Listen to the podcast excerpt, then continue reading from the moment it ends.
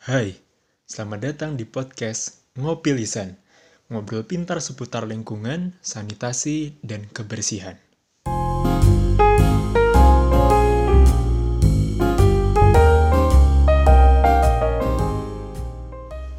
Untuk memerangi COVID-19, diperlukan kondisi tubuh yang prima agar sistem imun dapat bekerja secara optimal. Hal tersebut tidak akan pernah lepas dari asupan gizi yang kita perlukan tiap harinya. Pada podcast kali ini, mari kita kupas tuntas. Sebetulnya, bagaimana sih asupan gizi harian yang kita perlukan tiap harinya? Merujuk pada rekomendasi dari Dinas Kesehatan Republik Indonesia dan juga WHO, untuk pria Asia, khususnya Indonesia, dalam rentang umur 19 sampai 29 tahun, kita itu memerlukan kalori sebanyak 2000 sampai 3000 kalori per harinya. Untuk karbohidrat kita memerlukan 3000 sampai 4000 gram per harinya.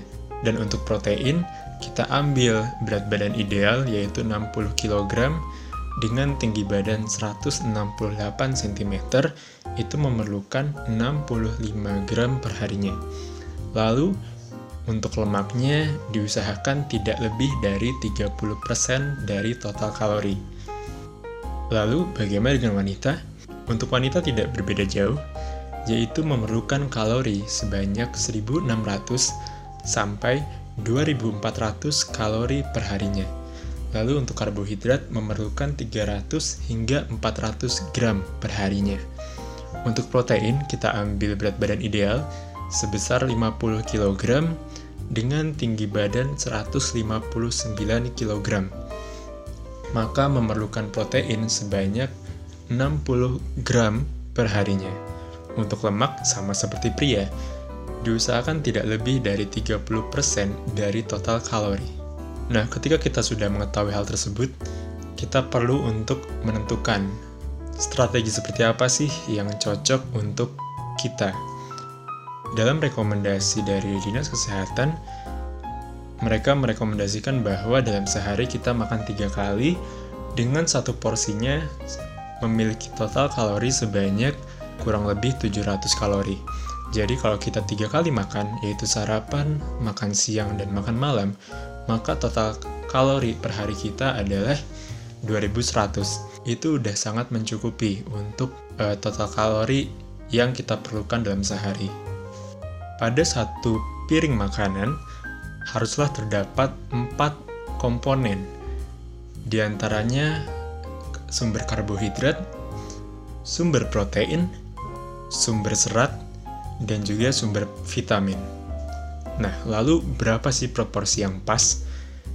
Pada rekomendasi ini, Dinas Kesehatan menyebutkan bahwa untuk sumber karbohidrat sendiri kita bisa mendapatkannya dari nasi, ataupun kentang, atau bahkan sumber umbi-umbian yang lainnya. Namun jika teman-teman lebih suka makan nasi, itu disarankan untuk makan 3 centong nasi saja ya dalam satu porsinya.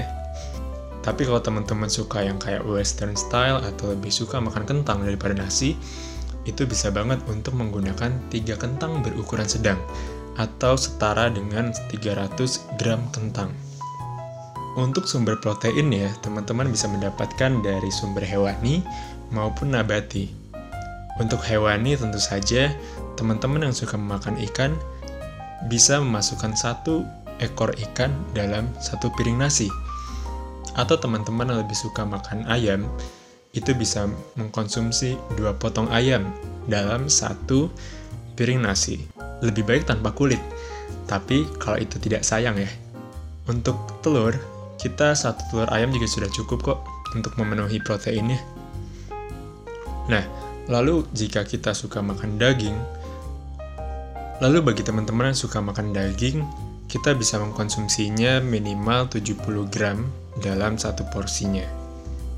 Lalu untuk sumber nabati, tentu saja dua makanan ini sudah tidak asing bagi kita, yaitu tahu dan tempe. Dalam sepiring nasi, cukup dua tempe atau satu tahu pun sudah cukup kok. Lalu untuk sumber seratnya, sebisa mungkin kita mengkonsumsi 150 gram sayuran. Apa pun itu, boleh bayam, boleh sayur asem, atau capcay sekalipun tidak masalah. 150 gram itu segimana sih?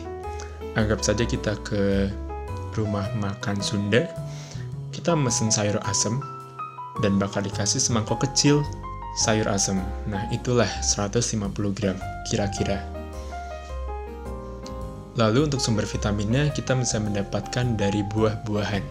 Dalam rekomendasi ini, teman-teman bisa mengkonsumsi buah dalam satu kali makan itu 50-150 gram atau setara dengan dua jeruk atau satu pisang atau dua slice dari pepaya. Begitulah rekomendasi untuk kita mengkonsumsi makanan bergizi baik dan juga seimbang untuk menjaga kondisi badan tetap prima demi melawan COVID-19 yang sangat merajalela. Aku tahu ini sulit, namun dengan kesungguhan yang kuat, kita pasti bisa menjalaninya. Stay safe, stay healthy, and stay wealthy. Saya Garda Bramantio dari Food Science and Technology. Sampai jumpa di podcast berikutnya. See ya!